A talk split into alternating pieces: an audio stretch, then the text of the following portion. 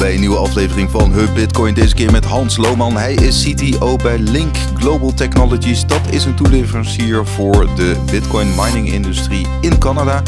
Een heel interessant gesprek over ontwikkelingen in mining. En hij vertelt ook nog heel veel uh, wat hij persoonlijk zo drijft aan Bitcoin.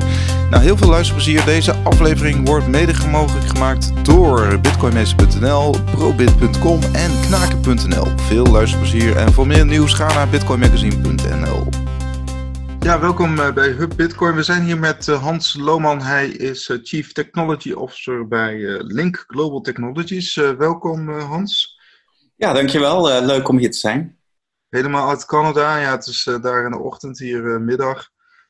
En ehm, ja, we gaan het vooral hebben over bitcoin mining. Hè? maar misschien goed, goed om eerst een korte introductie met jou te doen. wie, wie, is, wie is Hans Lohman? Ja, ik ben een elektrotechnisch ingenieur. Ik ben altijd mijn eigen baas geweest in Nederland. Heb diverse hoogwaardige elektronica geleverd uh, daar als uh, eigen ondernemer. Heb dat gedaan tot ongeveer het jaar 2003, toen min of meer eigenlijk de hele markten veranderden. zoals een hoop mensen misschien zich nog wel herinneren, de dotcom-bubble heeft een hele hoop betekend. En dat heeft uiteindelijk voor mij ook betekend dat ik van land gewisseld ben. En we hebben nieuwe uitdagingen gevonden hier in Canada. Ik woon hier nu 15 jaar. En uh, een van de dingen die me nu dus heel veel bezighoudt, is inderdaad het hele fenomeen Bitcoin. Ja, ja want je bent uh, eh, CTO bij uh, Link Global Technologies. Misschien goed even, even uit te leggen wat, wat jullie precies doen. Link Global Technologies is een beursgenoteerd bedrijf dat voornamelijk technologie levert aan miners. Dus wij zorgen voor de pluggen, voor de aansluiting, voor de power en voor het uh, gladjes verlopen van het hele miningproces. En wij kunnen dat doen door een uh, combinatie van uh, lage elektriciteitsprijzen te, te veroorzaken. Bij ja, zeg maar, interessante locaties. Hier in Canada zijn er wat dat betreft een hele hoop mogelijkheden. Het zijn wel uitdagingen hoor, want we hebben te maken met nogal ruig terrein zo hier en daar. En dat is voornamelijk in de olie- en gasvelden die er hier erg veel zijn in de provincie Alberta. Oké. Want jullie opereren vanuit Vancouver, hè, begreep ik? Ja, daar is het hoofdkantoor. Maar uh, onze mining operations die zijn voornamelijk in de uh, olie- en gasvelden in, uh, in Alberta. En Alberta, dat ligt in het noorden van Canada, hè? Dat, um... Ja, dat is ietsje meer eigenlijk naar het oosten. Um, dus ten opzichte van British Columbia, waar ik zit, mhm. ga je één provincie de Rockies over en dan kom je in Alberta. Ah, oké. En wat voor, uh, want je zegt uh, olie en gas, dus ze hebben daar veel olie- en gasbronnen, begrijp ik, veel natuurlijke ja, energiebronnen? Ja, dat klopt. Ja, ja, als je daar uh, rondrijdt, dan zie je overal de ja-knikkers nog staan. iets wat ik me herinner uit de, ik zou maar zeggen, oude tijden in Nederland, dat je in Duinrail kon rondrijden waar je nog de ja-knikkertjes heen en weer zou gaan. Dat zie je daar dus nog volop. Alleen is het nu zo dat uh, door de economische omstandigheden het grootste deel van die dingen allemaal stil liggen. En dat is hmm. waar we juist eigenlijk zeg maar, een hele grote opportunity zien. De olie- en gaswinning hier is uh, behoorlijk getroffen door de olieprijzen, maar ook de teruggaande vraag uh, naar energie. Hmm. En die energie die, ja, die gebruiken wij dus in dit geval voor bitcoin mining. Ja, precies. Dus de overschot aan olie en gas, die, uh, dat zetten jullie om in stroom en, en daar uh, ja, zoek je de bitcoin mee. Correct. Ja, en er zijn ook hele leuke opportunities, want uh, soms komt er gas vrij bij oliewinning. En als dat op een locatie is waar in principe niet echt direct uh, gas afgevoerd kan worden via pijpleidingen, dan wordt het vaak afgefakkeld. En dat is natuurlijk niet al de beste manier voor het milieu. Het ehm, aardige is als je die gasproductie, die overproductie, min of meer in een generator leidt en het dus op een gecontroleerde manier verbrandt, uh, dan kun je daar dus uh, milieuvriendelijker energie mee opwekken. Ja, precies. Nou, daar, daar komen we zeker nog later even op terug. Want ik zag op jullie website ook dat jullie de containers leveren. Hè? Want we, we kennen bijvoorbeeld van, van Hut Eat, uh, ook een Canadese miner. Die ja. gebruikt ook containers inderdaad, van Mark van der Sijs. misschien even het hele palet aan producten en diensten die jullie leveren uh, op een rijtje? Oké. Ja, nou, eh, het is met name eigenlijk zeg maar die containers waar we ons in specialiseren. Dus mhm. die containers, daar zoeken wij locaties voor. we leggen de hele infrastructuur aan. dat betekent een manier van internet binnenkrijgen. En dat is soms wel eens een interessante aangelegenheid als het een enorme remote locatie is. Ja. maar ja, doorgaans is daar wel een mouw aan te passen en uh, natuurlijk het zorgen voor generators en, uh, en de hele infrastructuur rondom een container vol met uh, miners. Precies, en het, het zorgen van internet dat gaat soms via satellieten, of hoe moet ik dat voor me zien? Ja, vaak is het zo dat het via schotels met straalverbindingen, directe verbindingen naar een van de plekken die dan nog een, een internetconnectie heeft. En tegenwoordig is de techniek zo goed dat je daar eigenlijk best hoog high-speed connecties mee kunt krijgen. Precies, en zijn jullie ook de partij die dan bijvoorbeeld ook uh, lokaal met een regio of misschien met een gemeente dan uh, zo'n energiedeal sluit? Of doet dat de mining operator? Ja, dit is uh, doorgaans iets wat gebeurt in het bedrijfsleven. de olieindustrie zelf is natuurlijk een energieleveraar en dit is een van de nieuwere takken van sport waar ze zich mee start te, te bemoeien. En dat, dat is iets waar wij onze expertise kunnen leveren. Ja, precies. Dus jullie zijn uh, de schakel tussen bijvoorbeeld een olieproducent en een, een, mining operator, begrijp ik het goed? Ja, dat is eigenlijk min of meer wat we doen. Ja.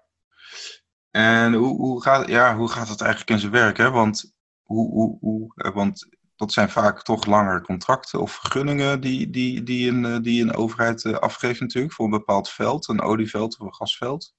Ja, dat zijn eigenlijk min of meer de, de contracten die er al zijn met de bestaande partijen die daar uh, energiewinning doen. Uh, Vaak is het zo dat op dit moment dat soort gasvelden uh, onder grote druk staan om nog te kunnen voortbestaan. En ehm, in het ge, ja, omdat er nogal wat werk mee geleverd is, er zijn nogal wat jobs van afhankelijk, is men eigenlijk wel redelijk blij als wij ervoor kunnen zorgen dat een bepaalde operatie gewoon door kan blijven gaan in plaats van moet sluiten. En over wat voor percentages heb je het dan? Hè? Stel dat je hebt, uh, want je hebt natuurlijk een bepaalde uh, base power die, die zeg maar een energieproducent levert. Hoeveel, hoeveel procent mhm. van die power zeg maar, gaat nu richting uh, mining operations? Oh, soms wel 100 procent. Er zijn bepaalde plekken waar um, bijvoorbeeld een, ja, energie geleverd kan worden. Een kleintje kan zijn 3 tot 10 megawatt dat kunnen wij in zijn geheel absorben. En ehm, ja, dat is natuurlijk iets wat uh, dat gasveld dan volledig uh, bezighoudt. En uh, eh, 100% van die energie kunnen wij gebruiken. Als er iets overblijft, is het, is het vaak zo dat dat nog weer geleverd kan worden aan de bestaande infrastructuur. Mits zo'n gasveld natuurlijk daarop aangesloten is. Ja, precies. Dus jullie hoeven in principe niet te morrelen aan de, de, de gasleidingen of de olieleidingen. Dat, dat is eigenlijk. Nee, goddank niet, zeg. Nee. dat is weer een heel andere tak van sport. Nee, precies. En over wat voor capaciteit hebben we het eigenlijk? Hè? Dus uh, je noemt 3 tot 10 megawatt piek. Uh, wat, ja, per locatie. Dus als je er een hele hoop van die uh, runt, dan, ja, dan kun je zelf uitrekenen. Dan kun je een behoorlijke mining operation opzetten. Ja, moet ik dan denken aan, aan, aan, aan hoeveel moet ik dan denken qua, qua 500, 600 megawatt? Um, ja, als je locaties bekijkt die uh, tussen de 3 en de 10 megawatt uh, liggen, dan, uh, ja, dan hebben we daar een behoorlijk aantal van in operation. En mm. ruigweg is het zo dat iedere container ongeveer 1 megawatt aan de energie kan verwerken. Dat, dat is ongeveer het optimum. Dus ja, je kunt een rekensommetje erop loslaten. Ik denk dat we daar behoorlijk wat, wat hashpower leveren aan ons lokale economietje daar. Oké, want, want kun, kun je daar iets over zeggen? Hoeveel containers jullie ongeveer per jaar aan de man brengen? Kun je daar iets over? Of mag, want ja, je zendt nou, dus- ik, ik weet niet of ik zomaar uh, vrijelijk over nummers kan praten, maar uh, als, als je praat over hashpower globaal, uh, hmm. dan denk ik dat je moet denken in de orde van een aantal honderden pita-hashes. Misschien dat dat je vraag beantwoordt. Ja, nee, precies. Nou, dat is, dus, dat is flink natuurlijk. Want zijn jullie ooit, ja, dat je dacht, nou ja, de, de, deze, um, dit is natuurlijk een, een winstgevende activiteit, maar hebben jullie er ook aan gedacht om zelf uh, uh, te gaan minen? Of, of doen jullie dat ook? Ja, zo zijn we eigenlijk min of meer begonnen.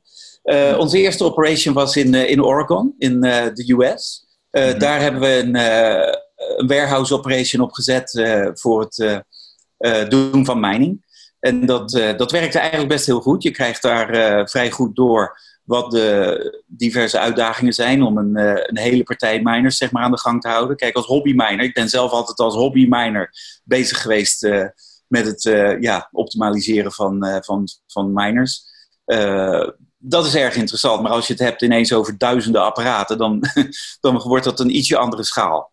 En dan zijn er ook hele andere dingen aan de hand. Dan, dan moet je echt de dingen gaan automatiseren. Eh, dan moet je een hoop eh, dingen optimaliseren. Want eh, ja, er kunnen altijd apparaten down gaan.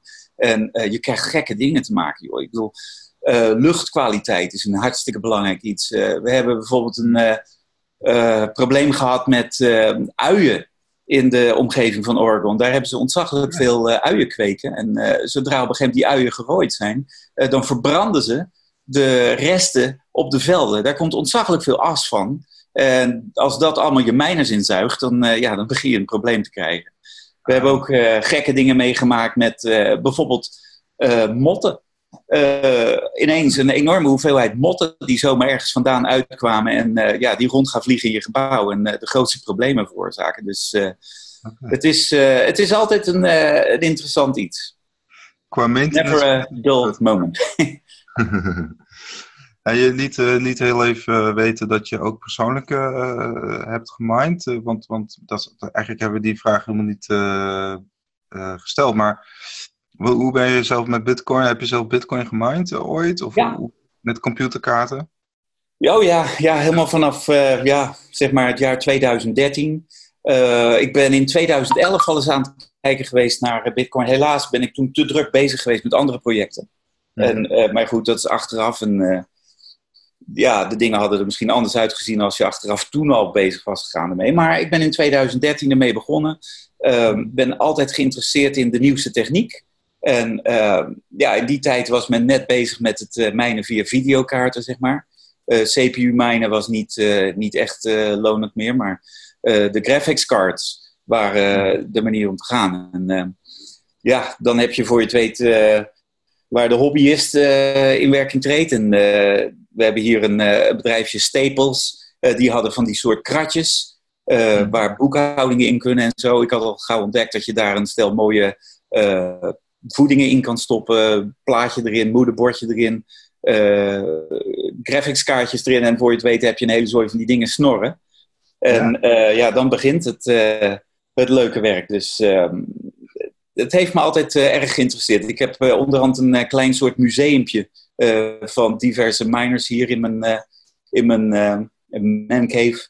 de eerste ASICs die om de, om de hoek oh, kwamen, die, die heb ik hier nog liggen. Gewoon als boeken, boekpressen, zeg maar. Ze doen natuurlijk niks meer, maar het is leuk om te zien.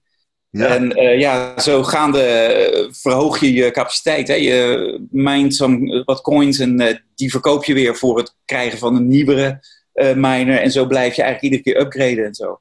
En dat, uh, dat was eigenlijk heel erg goed mogelijk. Uh, vooral in het begin om uh, dat als een hobby zeg maar, te doen. Zonder dat het eigenlijk iets kostte. Dus dat, was een, het was erg leuk die tijd. Maar dat is wel een beetje over hoor, denk ik. Het, het hobbyistisch mijnen van serieuze coins. Ja, precies. Dus, ja, toen, want in Canada heb je denk ik ook nog wel een iets lagere energieprijs. Hè? ook voor particulieren neem ik aan. Ja, voor particulieren zitten we ergens tussen de 10 en de 15 cent per kilowattuur. Dus het is eigenlijk oh al niet meer rendabel. Aan de andere kant is het wel zo, we hebben hier uh, redelijk koude winters. En uh, bijvoorbeeld mijn, uh, mijn schuur, waar ik ook een shop heb voor, voor een beetje hobbyen, zeg maar. die moet ik natuurlijk verwarmen in de winter. En dat gaat elektrisch. Nou, dan kun je net zo goed een zootje miners aanzetten. Ja. Die leveren in ieder geval nog wat op. Dus dus wat dat gaat, in de winter verwarm ik mijn, mijn garage hier met een zootje bitcoin miners. Het is niet meer zo gek dat we ons huis helemaal verwarmden ermee. In de tijd dat mijn dochters aan het klagen waren dat het koud was, zette ik gewoon een minertje neer op de grond. Ja, dan klagen ze natuurlijk weer over de herrie. Dus... ja, dan moet je misschien wel de bitcoins weer verdelen, of niet? nou, het is een, een leuke spaarpot voor de kinderen, dat kan ik je wel zeggen. Als ik iemand kan aanraden om te sparen, dan, ja, dan liggen hier nog wel wat kansen. Ja, precies. En, maar doe je, doe je het nu nog steeds tegen de huidige. Ehm, is het nog steeds rendabel om privé te minen in, in Canada? Ja. Nou, het is niet rendabel, maar zoals ik al zei net, ehm, in de winter als je je spulletjes moet verwarmen, dan kun je er net zo goed een miner op zetten. Want ik bedoel, een straalkacheltje eet ook energie. Dus dan, maar die levert 0 terahashes, zou ik maar zeggen. Ja. dus dan kun je beter een, een, stelletje miners aanzetten. En wat voor apparaten gebruik je? welke miner gebruik je op dit moment? voor mij thuis heb ik nog steeds een stelletje S9's liggen, de, de good old bitmaintjes. Ja. Uh, die heb ik al uh, tijdenlang geleden gekocht toen ze net uitkwamen. En uh, die dingen die zijn een tijd lang rendabel geweest. Toen op een gegeven moment de hele tijd niet meer. En ineens werden ze weer rendabel toen in 2017 de prijzen natuurlijk omhoog begonnen te schieten. Dus ja. Dat, was, dat was leuk. En ja, in de winter zet ik ze nog steeds aan. ik bedoel, het zijn betrouwbare dingetjes gebleken. En, dat, goed. Ja, het werkt nog steeds. Want als we kijken naar even weer een stapje terug naar het industriële verhaal, eh, als we het dan hebben over energieprijzen, dan, want we, hè, in China gaat het al gauw over uh, 1, 2 kilowatt, uh, of uh, cent per, dollar cent per kilowattuur. Aha. Wat voor prijzen moeten we denken in, in Noord-Amerika en Canada? Wel, bij ons ligt het een klein beetje anders, omdat we de energie natuurlijk zelf maken. Dus dat betekent dat we de ruwe gassen zeg maar, inkopen voor een, uh, voor een lage prijs. Soms is het zo dat we ook het hele gasveld min of meer eigenlijk bezitten. Dus ja, dan is het natuurlijk een economische kwestie van uitrekenen wat je eigenlijke kostprijs is. Dat, dat is dan meer een ja, een, eh, een, onderdeel van het personeel wat gaande moet gehouden worden en, en operational costs en zo. Dat kun je natuurlijk converteren naar een bepaalde kilowattuurprijs. Uh, maar die ligt inderdaad gewoon behoorlijk wat lager dan de gangbare prijs die je normaal betaalt op het, uh, op het gewone elektriciteitsnet. En daardoor liggen er natuurlijk hele goede kansen hier. Ja, ja, dus jullie zijn dus ook de verkoper van die energie. Dus, dus misschien moet ik dan vragen wat, uh, wat de miners ongeveer bij jullie betalen. Uh, ja, dat is ook weer iets wat varieert van het contract. Uh, dus daar kan ik vrij moeilijk uh, specifieke dingen over zeggen. klanten die natuurlijk ontzaglijk veel afnemen, die krijgen natuurlijk weer een, een bepaalde staffelprijs daar. maar ik kan je zeggen, het is, het is heel rendabel. Anders hadden we ook die klanten natuurlijk niet kunnen aantrekken. Nee, nee. Uh, en, en je had het over uh, Oregon, hè? Ja. Heb je nog steeds een productiesite daar of ergens uh, of elders ook nog dat jullie zelf bitcoins binnen, binnen oogsten? Nee, toen het bedrijf eigenlijk um, publiek gegaan is, dus beursgenoteerd geraakt is, zijn de Amerikaanse activiteiten gestopt. Dat heeft ook iets te maken met de hoeveelheid red tape die er is bij het beursgaan van een bedrijf. Mhm. Eh, al de audits en alles uh, maken het gewoon een stuk complexer. Zodra je operations hebt uh, in, in meerdere landen. Mhm. Dus voor de, ik zou maar zeggen, ja, simplicity is het nu een volledig Canadese onderneming. En zijn al onze activiteiten dus nu in Canada. Ja, precies, precies. Dus, um, en, en waarom Canada eigenlijk? Ja, het is misschien een inkoppertje, maar dat, dat is denk ik vanwege de, het overschot aan energie. Maar ja, nou, er zijn denk ik wel een aantal redenen voor. Um, sowieso is Canada een uh, behoorlijk open land waar het komt op uh, mogelijkheden voor uh, Bitcoin. het is wel een land waar men nogal bezig is geweest met het uitvogelen van wat mag er nou helemaal precies en wat kan er nou helemaal precies. ik kan wel een leuk voorbeeld noemen. we hebben een tijdje lang een, een Bitcoin ATM kunnen runnen hier downtown. Uh, ik heb een e-mail gestuurd naar de overheid en gevraagd van joh, wat moeten wij voor licenses hebben om uh, zoiets dergelijks te kunnen doen. En daarop uh, kwam het antwoord dat er op dit moment, op dat moment toen, virtual currencies, zoals ze het mooi noemden, niet in het regulatory framework beschreven waren. Met andere woorden, we kunnen u niet stoppen om dit te doen. En dat is nu wel wat veranderd. ze hebben, wat dat er gaat, de regelgeving eh, wat beter voor elkaar. Uh, maar die is nog steeds uh, behoorlijk welkomend voor dit soort nieuwe technieken. En ja, wat dat er gaat, hebben we het iets makkelijker dan in de, in de Verenigde Staten, waar je dus een beetje een ander beleid hebt per state, zou ik maar zeggen. Ik bedoel, ze noemen het de Verenigde Staten, maar soms vraag je wel eens af van, is het niet de verdeelde staten? In Canada is dat ook wel een beetje zo. We hebben eigenlijk zeg maar, al de provincies die weer ieder hun eigen provinciaal beleid hebben. maar federaal gezien heeft, heeft Canada dat wel, wel aardig voor elkaar op dit moment. Ja, dus bijvoorbeeld wat, ja, wat, dat is misschien niet te vergelijken, maar wat recent in eh, Venezuela is gebeurd, dat, dat, dat daar ineens de regering zegt van we gaan een miningpool uh, starten vanuit de staat en iedereen moet zich opgeven, register. en we gaan ook controle, controle krijgen over de opbrengsten van, van mining. Dat, dat is niet, niet denkbaar in, in Canada. Nee, dat denk ik niet. Kijk, Venezuela is natuurlijk wel een hele apart iets. Ja. En um, ja, dat, dat zie ik hier nog niet zo snel gaan. En uh, Canada is wat dat betreft uh, meer een democratie dan uh, dat Venezuela dat is. Ja. Ehm, dus ik denk, ja, ik ben daar eerlijk gezegd niet echt bang voor. Venezuela is een heel interessant voorbeeld, however. Want um, ja, ik ben er zelf eigenlijk best wel redelijk dichtbij betrokken geweest. Um, ik heb een, ja, eigenlijk zeg maar altijd als min of meer ook uit de hand gelopen hobby point-of-sale systemen gemaakt. En mhm. een van de point-of-sale systemen die in Venezuela erg veel gebruikt is, is er eentje die geweest is met, met Dash, Digital Cash. ik heb daar behoorlijk wat werk eigenlijk zeg maar ingestoken om, om daarmee te helpen. En ehm, ja, dat, dat, dat heeft eigenlijk best wel veel betekend voor dat land. En daar zijn nu heel veel andere partijen ook ingedoken. En ehm, ja, ik zie daar wat dat betreft wel een hoop kansen voor adoption. Want uh, als je kijkt, wij hebben het zo ontzaglijk goed hier. Voor ons zijn eigenlijk alle dingen makkelijk en wij hebben eigenlijk niet veel te klagen. Ik bedoel, als je kijkt hoe dat daar gaat, is het wel even anders. Dus ja, wat, wat mogen wij zijn hoe we het hier hebben. Ja, want wat voor functie zou, zou Bitcoin of hè, andere cryptocurrencies kunnen hebben voor bijvoorbeeld Venezuela? Dat gaat verder dan, dat is, ja. ja, dat gaat heel erg diep. Kijk, eh, eh, een voorbeeld te geven. Als je s'avonds gaat slapen en eh, je weet dat je de volgende ochtend wakker wordt en je geld is ineens de helft minder waard. nou ja, zo extreem. Nou, het is, het is redelijk extreem. Ik bedoel, de inflatie die er daar gebeurt, de hyperinflation, die ervoor zorgt dat je geld gewoon echt absoluut niets meer waard is. Ja, dan is Bitcoin natuurlijk perfect. Ik bedoel, zij zien dat als een stablecoin.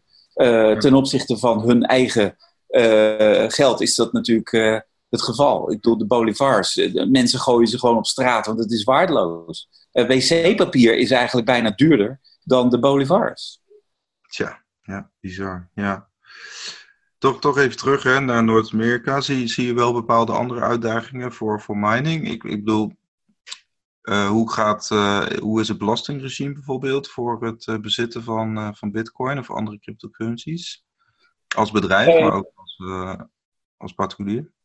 Ja, eh, hier in Canada wordt het gezien eigenlijk zeg maar, als een, ja, een vorm van een, een asset. Dus het is min of meer zo dat als je erin aan het handelen bent, dan, ja, dan heb je te maken met capital gain tax. het is voor overheden eigenlijk altijd een, een, soort grijs vlak geweest van wat moet je nou precies. Hè? Want aan de ene kant hebben ze zoiets van ze willen niet dat het geld is. Aan de andere kant, ze willen weer uitvogelen hoe kunnen we er belasting over heffen. Ja, dat blijft een eeuwig iets. En wat dat er gaat, uh, vergelijkt men het hier meer eigenlijk zeg maar, met het hebben van aandelen dan het hebben van geld. Want dat wil men eigenlijk toch, denk ik, liever niet dat het zo gezien wordt. Hoewel ja, wij bitcoiners er natuurlijk anders over denken.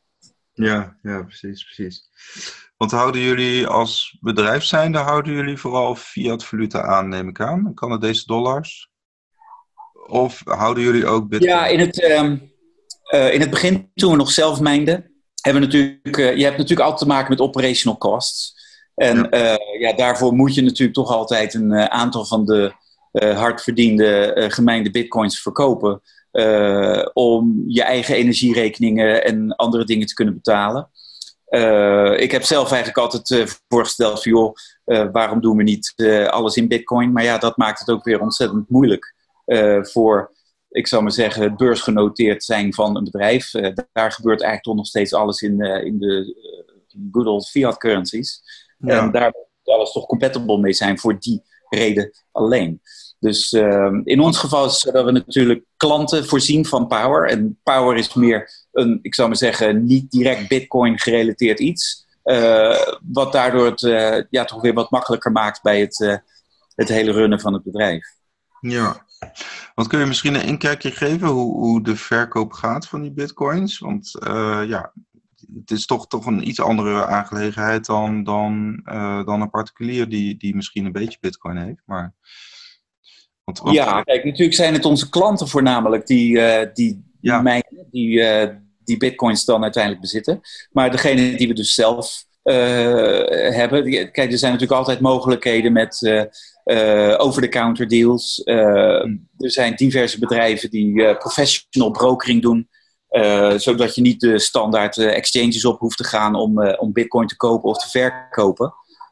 Dus ja, wat dat dan gaat, zijn er natuurlijk ontzettend veel professionele outlets die hier hun diensten kunnen leveren. En daar maken we dan ook gebruik van. Ja, ja, dus dan kunnen jullie een grote hoeveelheid bitcoin verkopen zonder dat ineens de prijs uh, bewijzen van iets, iets zakte of, of Ehm, Correct, ja. Ja, ja. oké. Dus dat, dat kan gewoon in eigen land, daar hoef je niet uh, voor naar... Oh ja, uh, nee, alles is hier aanwezig, absoluut. Oké. Sterker nog, er zijn uh, best een hele hoop hele leuke Canadese bedrijven die volledig gereguleerd zijn. alles voldoet netjes aan de, de Fintrac. die opkomend zijn en ontzettend veel mogelijkheden bieden, ook voor particulieren, om het heel makkelijk te maken om bitcoins te kopen en te verkopen. Dus eh, het is echt een, eh, een leuke opkomende markt. Ja, ja Boel Bitcoin, hè? dat is, uh, dat is wel een bekende naam onder andere. Ja. Absoluut, ja. Um, ja, spelen jullie eigenlijk nog een rol in bijvoorbeeld het zoeken naar of het, het faciliteren van een mining pool of, of dat soort. hè? Dus dat je eigenlijk hashing power verzamelt in de mining pool, of, of wordt dat niet tot de scope? Ehm, het is natuurlijk altijd belangrijk om uh, te zoeken welke pool het beste aansluit op de uh, hoeveelheid power die je op dat moment hebt. En uh, ja, daar zijn eh, ook weer het een en ander aan dingen die geautomatiseerd kunnen worden. We hebben een, een hele mooie software tot onze beschikking om, om dat soort zaken te kunnen, te kunnen instellen. En dat hoort natuurlijk bij het optimaliseren van de, van de opbrengst. Dus ja, het wisselen van pools, dat, dat is een van de dingen die daarbij hoort. En dat, ja, dat spreekt eigenlijk voor zich. Ja, precies. Dus miners die kunnen middels software kunnen ze gewoon inderdaad de meest gunstige pool uitkiezen voor hun hashpower, begrijp ik. Ja, dat is correct. Ja, en dat gaat eigenlijk gaat dat automatisch dan? Uh, dat gaat niet volledig automatisch. Um, het is zo dat je daar uh, uh, ja, soms toch ook wel wat overzicht over moet houden. Maar het, het omschakelen van, van hele containers, bijvoorbeeld, dat gaat gewoon ontzaglijk makkelijk. En um, het is vaak ook een, een, mogelijkheid voor klanten om, om in te spelen op bepaalde ontwikkelingen die zij dan willen doen met de power die er beschikbaar is. En wij zorgen ervoor dat dat heel makkelijk omgeschakeld kan worden. Ja. ja, misschien toch nog even een inkijkje geven in die, in die containers. Hè? Want ja. Hoe, hoe, ja, wat is een beetje de, hoe groot zijn ze en hoe zijn ze te voeren en hoe, hoe, gaat, hoe gaat eigenlijk die logistiek in zijn werk? Dat... Ja, nou, de, de containers hebben allemaal standaard afmetingen. Uh, de standaard afmetingen gaan hier. Uh, we zijn hier in principe wel in een metrisch land, maar alles gaat nog steeds in voeten, inches en weet ik veel wat. Ja, ja, tuurlijk, uh, ja. Dus de containers die wij gebruiken zijn 40 voet containers. dat zijn die standaard shipping containers. Oh. Daar zitten grote stellingen in die vol staan met, met miningapparatuur. En die worden aangesloten op een generator, wat in principe ook weer een 40 voet container is met een enorme motor erin. Uh, en zo'n situatie bij elkaar, dat, uh, ja, dat, dat is eigenlijk zeg maar een, eh, een unit. Uh, daarvan kun je er vele parallel schakelen en zo kun je dus het hele zaakje schalen. Dus okay. ja, in een container heb je eigenlijk zeg maar de hele apparatuur bij elkaar voor ongeveer een megawatt aan power. Veel meer kun je niet in één container doen. Ja. Want dan kom je op allerlei andere problemen. En uh, een van de dingen is bijvoorbeeld ook, het, het genereert 1 megawatt aan hitte. En dat is een van de leuke uitdagingen waar ik zelf eigenlijk altijd zoiets heb van, goh, ik wil eigenlijk dat gaan injecteren in een kas, zodat je in hartje winter in Alberta, bij wijze van spreken, teelt kunt doen. Hè? Je kunt uh, komkommers spreken, wat, wat have you, met de overige hitte van zo'n miningproces. En dat, dat zou natuurlijk wel heel leuk zijn. Ja, dat is interessant. Ja. En, en hoe worden ze eigenlijk eh, vervoerd? Gaat dat dan per trein of per vrachtwagen? Of hoe moet ik dat zien? Dat gaat per vrachtwagen. Ja, ja, ja. het zijn hele remote locaties en ehm, vaak is het zo dat we zelfs moeten wachten op goed weer. Uh, de wegen zijn gravelroads. Uh, zodra het maar even een beetje geregend heeft, dan kun je er absoluut niet meer overheen. anders dan met een monstertruck. om vrachtwagens met containers op de locaties te krijgen is soms een uitdaging. En uh, is soms iets wat uh, ja, een week lang uh, uitstel kan krijgen. Gewoon puur doordat het geregend heeft. En de wegen zijn absoluut onbegaanbaar dan. Ga, ga, je dan ook nog wel eens mee? Of, of zit je voornamelijk op kantoor? Of hoe? Nee hoor, ik ben meestal degene die als eerste bij een site aanwezig is om dingen aan de gang te krijgen. En dat is ontzettend leuk, uitdagend werk. aan de andere kant, je zit soms wel jezelf te vragen: wat ben ik in godsnaam aan het doen? Weet je wel? Want je loopt modder uit containers weg te vegen. En als ingenieur zijnde door de bagger stampen is weer ander werk dan waar je soms wel eens denkt van hier heb ik me niet voor opgegeven. Maar het, is, het is erg uitdagend en het is ook ontzettend leuk om te zien hoe iets groeit van een compleet, ik zal maar zeggen, lege baggerplek. tot een mooi uitgewerkt setje containers waar alles netjes staat te snorren. Ja, ja, want is er ook een soort cultuurtje ontstaan in Canada rondom het minen? In de zin van, is het, is het, is het ja, een soort industrie die daar aan het, ja, toch aan het ontstaan is? Van misschien wel tientallen bedrijven. Ik kan niet zeggen dat het een cultuur is, uh, maar er zijn wel diverse bedrijven die ermee bezig zijn. Het is natuurlijk zo gauw iets uh, rendabel is, dan, uh, ja, dan wordt dat gezien als een opportunity. En dan is het logisch dat daar meerdere partijen mee aan de gang gaan. En ik denk dat dat heel gezond is. Eh, die hitte. Er komt natuurlijk ook nog veel warmte vrij bij, bij het minen van Bitcoin. Die, die, die ja, overtollige warmte zou je ook weer kunnen inzetten voor andere zaken. Ja. Want, want zijn jullie in die zin met duurzaamheid bezig? Want dat is toch ook altijd een topic die met Bitcoin mining wordt geassocieerd. Hè? Ehm, ja, ja, ja, ja, er zijn wel een aantal projecten waar we bezig zijn met het toepassen van die warmte. Mhm. En ja, daar kun je vooral in de winter in Canada natuurlijk wel leuke dingen mee doen. Het probleem is dat de seizoenen hier nogal extreem zijn. Met andere woorden, op de locaties die we dan hebben, is het in de zomer gewoon iedere dag 30 graden of zo of meer. en in de winter kan het wel min 40 zijn. Dus ja, dat is een uitdaging op zich. En in de tijd dat je de warmte kunt gebruiken, ja, dan, dan is dat natuurlijk iets wat, uh, wat, wat hartstikke mooi is om duurzaam te doen. Maar in de zomer is het weer een ander verhaal. Dus uh, we zijn wat dat betreft uh, bezig met het uitzoeken van de beste opportunities. En dingen die je daarbij moet kijken is inderdaad tuinbouw. Ehm, zoals ik al net een voorbeeld gegeven had, het bouwen van kassen waar warmte in gebruikt kan worden. Maar ook het doen van verhitting van gebouwen. Bijvoorbeeld ice rinks, uh, dat soort zaken. Maar ook grote andere gebouwen die, die nu verhit worden met een, met een, ik zal maar zeggen, standaard verhittingssysteem. Ja. En zeg maar de, de, de, de, de energiebron, zeg maar de basisbron, dat, dat is voornamelijk toch olie, gas? Of, of zie je... Ja, voor ons is dat zo. Ja, ja, ja. Dus nog geen waterkracht of stuwdammen of zo? Dat, dat... Ja, dat hadden we in Oregon wel. Um, Maar op dit moment uh, is het natuurlijk inderdaad voornamelijk uh, olie en gas. Uh, in Oregon zijn we vlakbij de Heiderdam. er zijn er daar vier in die omgeving.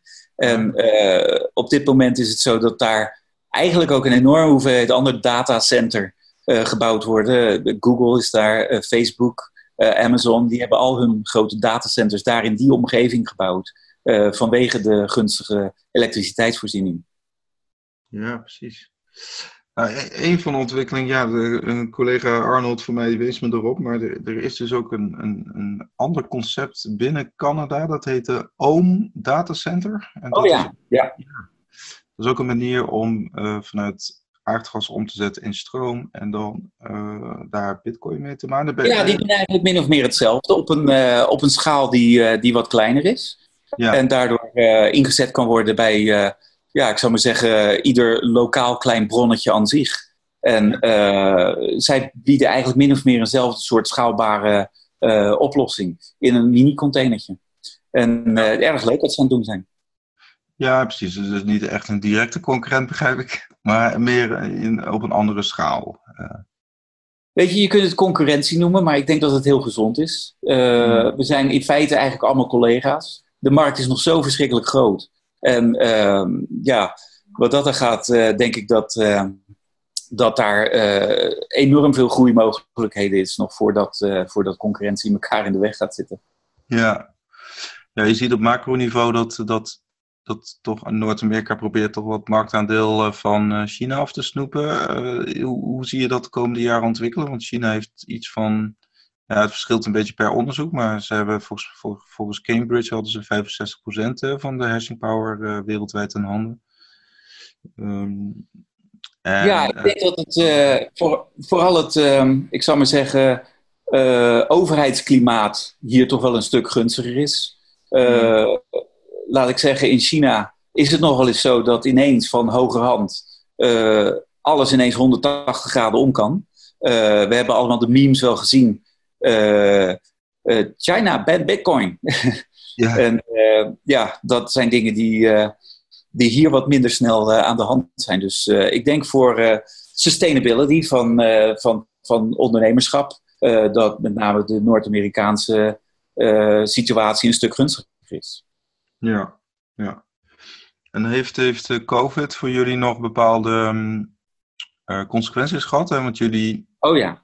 Want jullie importeren denk ik ook wel apparatuur uit China, neem ik aan. Of niet? Ja, voor het uh, importeren van apparatuur is het eigenlijk zeg maar ja, de standaard uh, delays die er kunnen optreden doordat uh, pakketjes er gewoon ietsje langer over doen en dergelijke. Maar daar hebben we niet echt zo heel veel last van. Okay. Het is meer dat de grenzen gesloten zijn tussen de Verenigde Staten en Canada. We hebben een van onze softwaregasten die zit in, die zit in de Verenigde Staten. En die kan niet wachten tot de grenzen open zijn, bij wijze van spreken. Want dan kan die eindelijk zelf ook weer eens door de bagger gaan stampen. Uh, wat dat er gaat, uh, heb ik er zelf ook wel... ja, eigenlijk zeg maar het meeste effect van dat, dat de grenzen gesloten zijn. dus ja, het verandert een hoop dingen. Maar ehm, voor, het, voor het doen van zaken binnen Canada zelf, ja, alle COVID-dingetjes die zijn natuurlijk hier, hier ook aan de orde. In Alberta had men al wat eerder de verplichting om maskers te dragen binnen zo'n beetje iedere winkel waar je naar binnen gaat. dat is iets wat hier in BC nu langzaam, maar zeker ook begint te gebeuren. Wat dat er gaat, we zijn redelijk geïsoleerd geweest en zijn daardoor misschien wat meer ja, hoe zeg je dat? Geïsoleerd, eh, echt in de, in de, zin. Zodra er op een gegeven moment hier uh, COVID-uitbraken zijn, komt dat vaak toch van, van buitenaf. En we zijn dus wat kwetsbaarder. Ja, en, en, en, in Vancouver zelf, ik begreep van Mark van der Seijs dat er ook wel meer leegstand in de winkels was. Of, dat, of merk je daar iets van in het leefklimaat in Vancouver? Of? Nou, um, je merkt niet. Kijk, we hebben natuurlijk zelf dezelfde vreemde dingen gehad die iedereen gehad heeft. Uh, uh, de mm. run op wc-papier bijvoorbeeld. Ja. Dan ineens weg zijn van gist uit de winkels. Voor het bakken van brood. allerlei dingetjes waar een run op geweest zijn in de rest van de wereld. Dat hebben wij hier ook gehad. langzaam maar zeker heeft men gelukkig zich weer gerealiseerd dat, dat, dat de wereld gewoon doordraait. Dus dingetjes gaan langzaam maar zeker weer terug naar normaal. Maar ja, het is wel, wel iets wat je merkt in het hele dagelijkse leven hoor. Ik bedoel, het, het, alles is hier ook wel redelijk veranderd wat dat gaat. Ja. De mining apparatuur, die halen ja. je, dat, dat is iets wat jullie uh, dat doet in principe de miner. Of doen, doen jullie dat ook uh, voor. Uh, of doen, hebben jullie bijvoorbeeld leasecontracten voor, voor miners? Of? Ja, er zijn verschillende situaties mogelijk. ik bedoel, in vele gevallen is het zo dat de klant met een enorme partij miners aankomt, die we dan moeten huisvesten. We hebben ook situaties waarbij we het hele deal regelen voor ze. Dus inclusief de miningapparatuur en dergelijke. dus daar hebben we goede verbindingen mee met, met de miningleveranciers. leveranciers. Dus we kunnen doorgaans redelijk goed aan de apparatuur komen. En ja, het is met name de, de nieuwere apparaten die we gebruiken in de containers. Hè? Dus uh, zo hoog mogelijk rendement krijgen van je, van je megawatt. En welke leveranciers werken jullie mee? Want eh, de markt werkt natuurlijk veel met Bitmain en MicroBT, maar ik weet niet. Ja, ja, dat zijn eigenlijk ook degene waar wij het meeste mee werken, ja. Ja, hebben jullie daar nog een bepaalde voorkeur in? Of? Um, wel, laat ik zeggen, de uh, betrouwbaarheid van Bitmain is, is eh, soms een beetje een, een, een issue. Uh, maar goed, dat heeft denk ik iedereen wereldwijd. Uh, ik moet zeggen, MicroBT levert wat dat aan gaat uh, apparatuur die ietsje betrouwbaarder lijkt te zijn. Het is moeilijk om er echt een goede uitspraak over te doen, maar we zien daar toch wel statistisch gezien wat betere yield. Um, maar goed, ja, dat zijn dingen die je allemaal meeneemt in het hele in het hele traject. Als er bepaalde uitval is, je krijgt eigenlijk ook te maken met, met de service van die dingen en dergelijke. En ja, dat is een, een verhaal aan zich, maar daar is altijd een mouw aan te passen.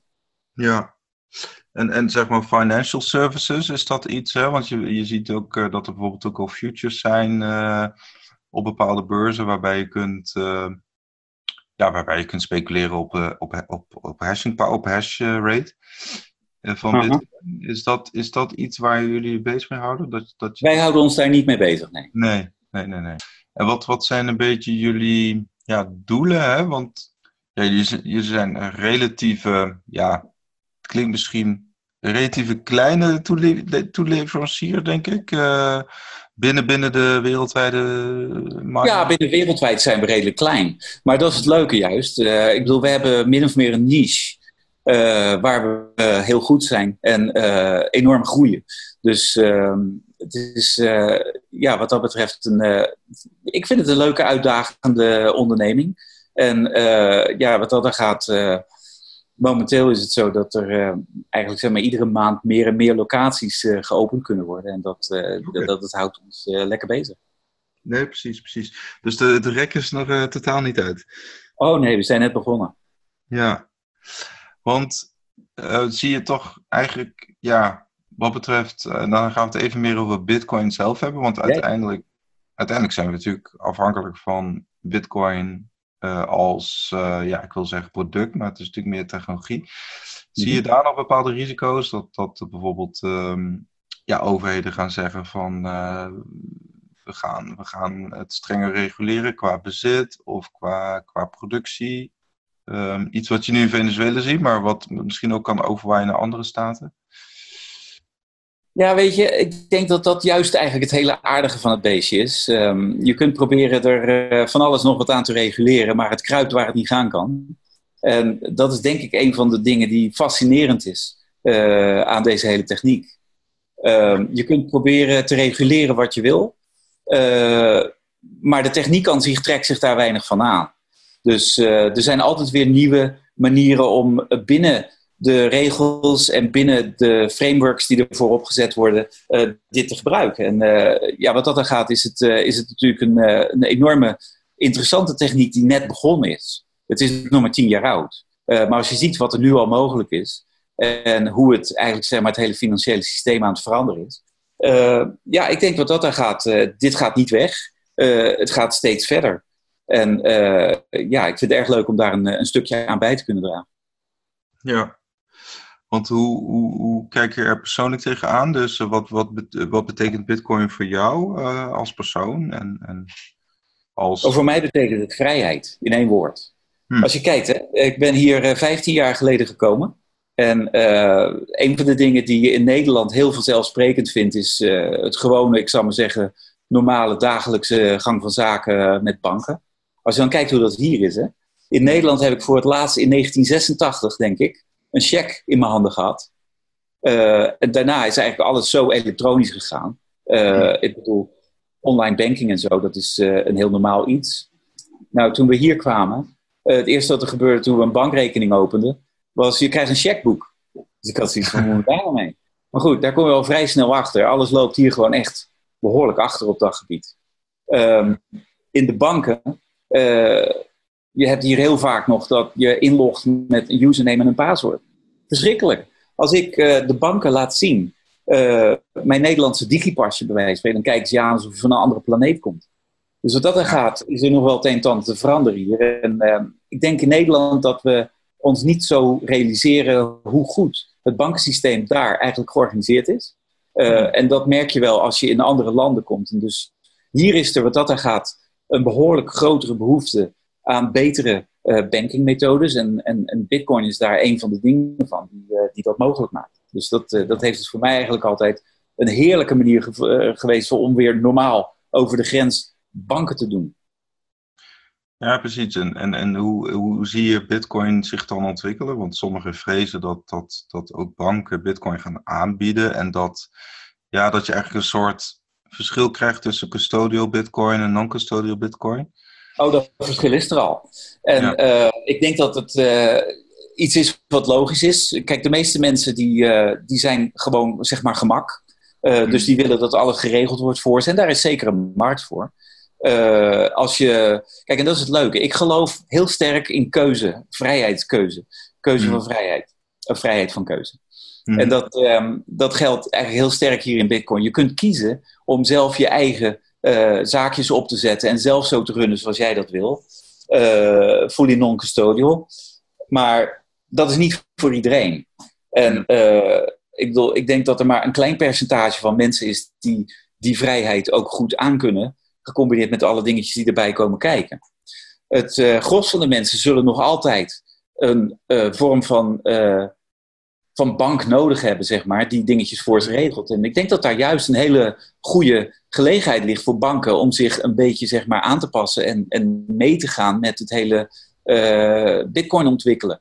En ja, dan die rol spelen die ze normaal deden, maar dan in een, ik zou maar zeggen, ietsje andere nieuwe cultuur. Ja, want eh, ben je zelf, zit je zelf al behoorlijk in de rabbit hole? Uh, in de zin van dat je bijvoorbeeld ook, uh, ja, uh, ook doet, een CoinJoin doet, of dat je met Lightning Network bezig bent? Oh ja. Ja, ik, ik vind dat fascinerend. Oké. Okay. wat dat betreft is de rabbit hole heel diep en nou, ik ben er lekker in gesprongen. uh, dat is iets wat uh, denk ik vanzelf gebeurt zodra je al uh, een hele tijd bezig bent. Hè. Ik ben in 2013 begonnen met dit hele verhaal. In 2014 ben ik voor het eerst naar de North American Bitcoin Conference gegaan. Die was toen nog in Chicago. Ontzettend veel mensen ontmoet. En dan zie je hoe fascinerend het is, hoeveel mensen er bezig zijn al met een, ik zou maar zeggen, compleet nieuwe tak van sport. Ja. en dat varieert van, het is heel grappig, je zit lunch te hebben aan de tafel met financiële specialisten, maar ook hackers. En het hele spulletje komt allemaal bij elkaar. En dus het uitwisselen van, van, van ideeën en dergelijke, dat, dat, ja, dat houdt je gewoon bezig. En ik denk wat dat betreft dat dat iets is wat. Ik hoop echt heel erg snel dat we weer conferences krijgen in de gewone zin van het woord. Hoewel de virtual reality conferences die er nu zijn, die zijn ja. eigenlijk ook best wel interessant. Dus ja. zie je maar. Want hoe, hoe denk je dat Bitcoin zich gaat ontwikkelen? Hè? Want het, het, het, het, ja, het, het, het staat nooit stil. Hè? Het heeft, in het begin was het meer een proof of concept. En gaandeweg werd het nu een soort store value. En sommigen zien het nu als een meer of een geopolitieke tool zelfs. Is, hoe, hoe, ja, het heeft ontzettend veel facetten. En dat maakt het ook zo ontzettend interessant. Ik zelf ben eigenlijk het meest geïnteresseerd in uh, het, uh, ja, ik zou maar zeggen, het, het, het, feit Bitcoin is, zoals ik het altijd zie, toch de mothership. Uh, dat gaat denk ik niet weg. Daar blijft eigenlijk zeg maar, de volle ontwikkeling toch altijd uh, op uh, gericht. in, ik denk, in, dat is mijn opinie, ik denk dat in een ideale wereld je een situatie krijgt waarin je Bitcoin zeg maar, als het digitale goud in je kluis hebt liggen. je wisselt er een klein beetje van om in iets wat bij wijze van spreken ofwel Lightning Network is, ofwel een andere daarvoor meer geschikt uh, medium, uh, middels een andere coin. Je ziet hoe makkelijk het is om uh, exchanges te doen. ik geloof ook dat we dingen gaan zien zoals atomic swaps, dingen waar nu nog steeds eigenlijk zeg maar, heel veel aan ontwikkeld wordt, maar wat nog steeds niet echt direct zeg maar, in de diverse exchanges toepasbaar is. Dat soort dingen gaat allemaal nog komen. Dus de flexibiliteit gaat alleen nog maar toenemen. maar ik denk dat Bitcoin daarbij nog steeds de mothership blijft en dat altijd zo zal zijn. Althans, dat is mijn opinie. Ja. En denk je dat, dat ja, kijk, sommigen, zoals iemand als uh, Raoul Paul, die denkt echt dat Bitcoin ook een soort, uh, uiteindelijk een soort collateral kan zijn binnen het financiële systeem. Dus echt als een soort ja, reserve currency um, binnen het systeem. Um, is dat, is dat een rol die Bitcoin op de duur op zich kan nemen? Of is dat een. Ik hoop het eigenlijk wel. Het mooie ervan is dat het een, uh, een asset is die, die absoluut vast ligt in software. kan dus niet corrupted worden. er kan niet meer van bijgeprint worden dan wat we weten dat er op elk moment aanwezig is. dus wat dat er gaat, is het een prachtige, echt een van de hardste currencies die er bestaat. Uh, ik denk dat het uh, niet anders dan logisch is dat dat uiteindelijk een van de, ik zal maar zeggen, World Reserve currencies gaat worden. Althans, ik hoop het echt. En uh, die kan dan samen met andere currencies, zeg maar, het hele economische stel runnen. Dus ik hoop echt dat het daarheen gaat. Ja, ja, we hebben natuurlijk in, in de US hebben gezien dat MicroStrategy, dat is ook een beursgenoteerde onderneming, IT-dienstverlener, die heeft ja. dus uh, ja, flink ingekocht. Hè? Twee ja. bedjes, uh, vier, uh, 425 miljoen dollar. Um, is dat denk je een, ook een nieuwe trend? Dat, dat ja, niet alleen staten, maar ook, ook, ook dus beursgenoteerde ondernemingen dit gaan... Ik denk het wel. Als er één schaap over de dam is, volgen er meer. En uh, het is ook iets wat uh, eigenlijk logisch is. Als je goed kijkt naar uh, de techniek die erbij betrokken is, het feit dat er steeds meer en meer van dit soort dingen gebeuren. de regelgeving is wat dat aan gaat ook steeds duidelijker. ik vind het een prachtig voorbeeld en ik, ik denk dat er nog vele zullen volgen. Ja, ja, want als je meer kijkt naar iemand, ik, ik noem maar wat, uh, zonder dat we echt, uh, dat is geen financieel advies, maar mm -hmm. je ziet natuurlijk bijvoorbeeld dat uh, staatsobligaties, hè, die zijn natuurlijk steeds minder aantrekkelijk op, de, op de financiële markt. Um, ja. En nou ja, goed, iedereen weet dat spaarrente ook niks meer oplevert. Um, ja. wat, wat, wat, Kun je misschien een klein inkijkje geven hoe, hoe, hoe jij daarmee omgaat uh, in je financiële uh, huishouding? Ja, natuurlijk. Ja. Laat ik zeggen, de, de gekke dingen die er ontstaan. Weet je, op een gegeven moment je bent gewend aan een bepaalde manier hoe dingen zijn. Mm. En bijvoorbeeld negatieve rente, dat is gewoon raar. dingen bijvoorbeeld die gebeurden hier. Je had op een gegeven moment ongeveer een twee maanden geleden, of eigenlijk nu tweeënhalve maand geleden uh, voor het eerst dat de olieprijs hier in Canada die ging negatief. Ja. Uh, het was min 42 dollar per vat. Dan krijg je van die rare dingen, weet je wel. Dat iemand zegt van, oh no, uh, somebody broke into my house and left 8 barrels of oil. dat soort rare dingen. Je kunt je er bijna niet echt iets bij voorstellen. En ehm, wat dat dan gaat, de instrumenten die normaal gesproken gehanteerd worden in de economie om de economie te stimuleren en dergelijke, die zijn onderhand allemaal zo wat uitgewerkt. Dus uh, ze gaan nu een, uh, een gebied in met negatieve uh, rentes. wat eigenlijk zeg maar ja, nog niet helemaal bekend terrein is. Hmm. Dus um, voor spaarders is het natuurlijk, is het, is het natuurlijk catastrofaal. Ik bedoel, ja. als je moet betalen om te sparen, ja, waar ben je dan helemaal mee bezig? Dus um, wat dat gaat, is heel moeilijk. Ik heb geen kristallenbol. Uh, maar ik weet wel, een van de dingen die uh, nog altijd een lonend iets geweest is. En dit is ook geen financieel advies, maar wel goed om te volgen. Uh, het kan geen kwaad om sommig deel van je spaargeld zeg maar, in hardere dingen te hebben staan. Zoals bijvoorbeeld een bitcoin. Ja, precies. Dus, uh, en, de, en de Canadese centrale uh, bank, uh, volgt hij een beetje de lijn van de Federal Reserve in de, in de US? Of is het toch wel iets ander beleid? Het is wel ietsje anders, maar er wordt hier ook verschrikkelijk veel geld geprint. Ja, ja. Ehm, en ja, wat dat er gaat... kijk, ik ben geen conspiracy thinker. Maar um, ja, we wisten eigenlijk allemaal al wel... dat het hele budgettaire beleid...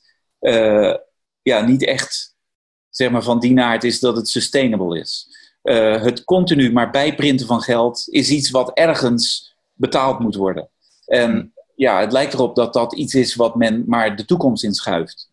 Nou, dat is, vind ik geen gezonde onder, uh, manier van, van, van, van zaken doen. Maar goed, dat is een heel politiek iets.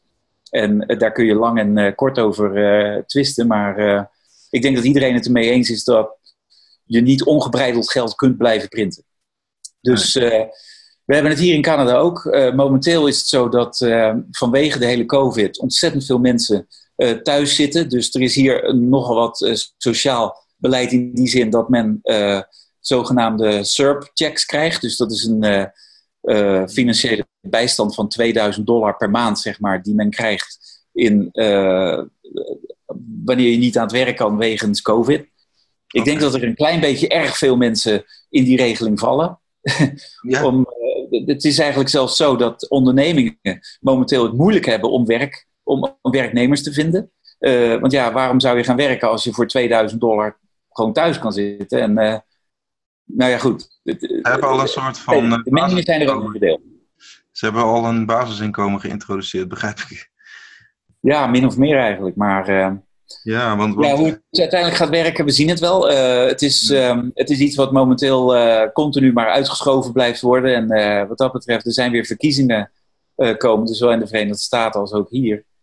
dus we gaan zien wat dat nou allemaal weer gaat opleveren. Maar Hmm. Ik zelf ben eigenlijk redelijk apolitiek ingesteld. Het gaat toch altijd anders dan wat je denkt. Uh, Wat dat betreft is de kant van Bitcoin de kant die mij dan die vrijheid geeft om het door al die onzekerheid heen te, te worstelen. En mijn eigen spelletje te spelen, zou ik maar zeggen. Ja, want is dan bijvoorbeeld financiële privacy ook wel een, een, een belangrijk voor je? Dus ja, ik denk dat het eigenlijk voor iedereen belangrijk is, maar de meeste mensen realiseren het zich niet. Dus ook daar is het weer zo, de keuze van vrijheid, de vrijheidkeuze is, is, is gewoon heel goed en daar geloof ik heilig in. Ja, want waarom is het belangrijk? Misschien is het toch even goed om uit te leggen, hè? want ehm, ja, dat, want heel veel mensen associëren het soms ook met, met een soort van ja, hè, je wil misschien belasting ontduiken of uh, je wil misschien witwassen. Of, uh... Ja, dat hoor je zo ontzaglijk vaak. Maar als we nou kijken naar wat er allemaal nou precies gebeurt met dat hele witwassen en dergelijke. Je ziet wat er nu net weer gebeurt rondom JP Morgan. Uh, kijk, de, de, banken zijn juist degene waar de grootste, ik zal maar zeggen, misstappen gedaan worden. En zij komen ermee weg met een klein tikje op de vingers. Ehm, het is uh, jammer dat de, de, media heel vaak gewoon zo'n negatieve, ik zou maar zeggen, gedachtegang proberen te verspreiden over het hele Bitcoin gebeuren, zoals geld witwassen en noem het maar. ik denk dat je Bitcoin moet zien als een buitenlandse valuta waar gewoon dezelfde regeltjes voor gelden. Het enigste is, jij bent zelf je baas hierover. Het is zo dat er geen bank is die failliet kan gaan. Uh, je kunt niet de situatie krijgen dat iemand, hoge hand, ineens een schakelaartje om kan flippen en jij bent uitgezet. Uh, dat zijn de dingen die in een custodial situatie met de gewone fiat maar al te vaak kunnen gebeuren. En dat, uh, ik denk dat dat een van de, de vrijheden is die ieder mens in feite als een recht zou moeten hebben. Het, het recht op het beheren van zijn eigen financiële middelen. Ja, en dus ook inderdaad geen inzage in de transacties bijvoorbeeld. Kijk, weet je, ook dat hier is weer iets. Kijk, je moet gewoon altijd aan alle regeltjes voldoen. En als er inzage gevraagd wordt, dan moet je ook in principe niet echt direct geheimen hebben daar. Uh, zo zie ik het niet. Maar ik bedoel meer dat hele gebeuren rondom het zomaar kunnen uitzetten van iemand. Het iemand uit een bank kunnen donderen, dat soort zaken. Dat, dat is gewoon aan de orde van de dag hier. Uh, het is eigenlijk best vaak geweest dat als je bitcoin kocht in het verleden hier, toen dat nogal geassocieerd werd met van shady praktijken en noem het maar. Uh, in no time krijg je een, een, brief van de bank waarin ze ineens stellen van uh, geachte meneer zo en zo, wij zijn niet meer van plan om zaken met u te doen. Nou, dat soort zaken is natuurlijk gewoon verschrikkelijk. Zij kunnen dicteren, bij wijze van spreken, wat jij wel en niet kan doen met je eigen geld. En dat, dat vind ik niet helemaal oké. Nee, nee. Nou, gelukkig is er een alternatief. Ja? Dus um, ja, nou, ik vond het uh, erg interessant, uh, Hans. Dank, dank, voor, um, ja, dank voor het gesprek. zijn er nog bepaalde dingen die je wilt toevoegen? Of, Dat je denkt, nou, dat, dat wil ik misschien nog even benadrukken? Of, ehm, Laat ik zo zeggen, ehm, ik weet niet hoe het in Nederland nu is, uh, maar ik heb het gevoel alsof we weer een beetje in, ik zal maar zeggen, het voorjaar van 2016 zijn qua sentiment. Uh, iedereen begint alweer een beetje positief te denken. Uh, er zijn toch wel weer wat gespannen verwachtingen. Ik zie hele interessante ontwikkelingen gebeuren, ook voornamelijk het hele DeFi gebeuren. Daar hebben we het nog niet eens over gehad, dat is een heel, ik zeg maar, topic apart. Mm -hmm ik denk dat we hele interessante tijden binnengaan in de next uh, 1, 2 jaar, zeg maar. En uh, ik zie er graag naar uit. Oké. Nou, super, dankjewel. En uh, ja, mensen kunnen je ook op Twitter vinden, hè? Onder ja. Hans Lohman, dubbel O. Ja. Hallo man. Hallo man, inderdaad, dubbel ja. O. Uh, nou, nogmaals dank. En ja, mensen kunnen ook naar linkglobal.io, is het volgens mij uit mijn hoofd. Correct. En uh, dan kunnen ze ook meer zien wat jullie doen uh, voor de mining-industrie. Dus uh, nou, dank nogmaals. En ja, ik zou zeggen, een fijne dag verder. Dankjewel, fijne avond nog.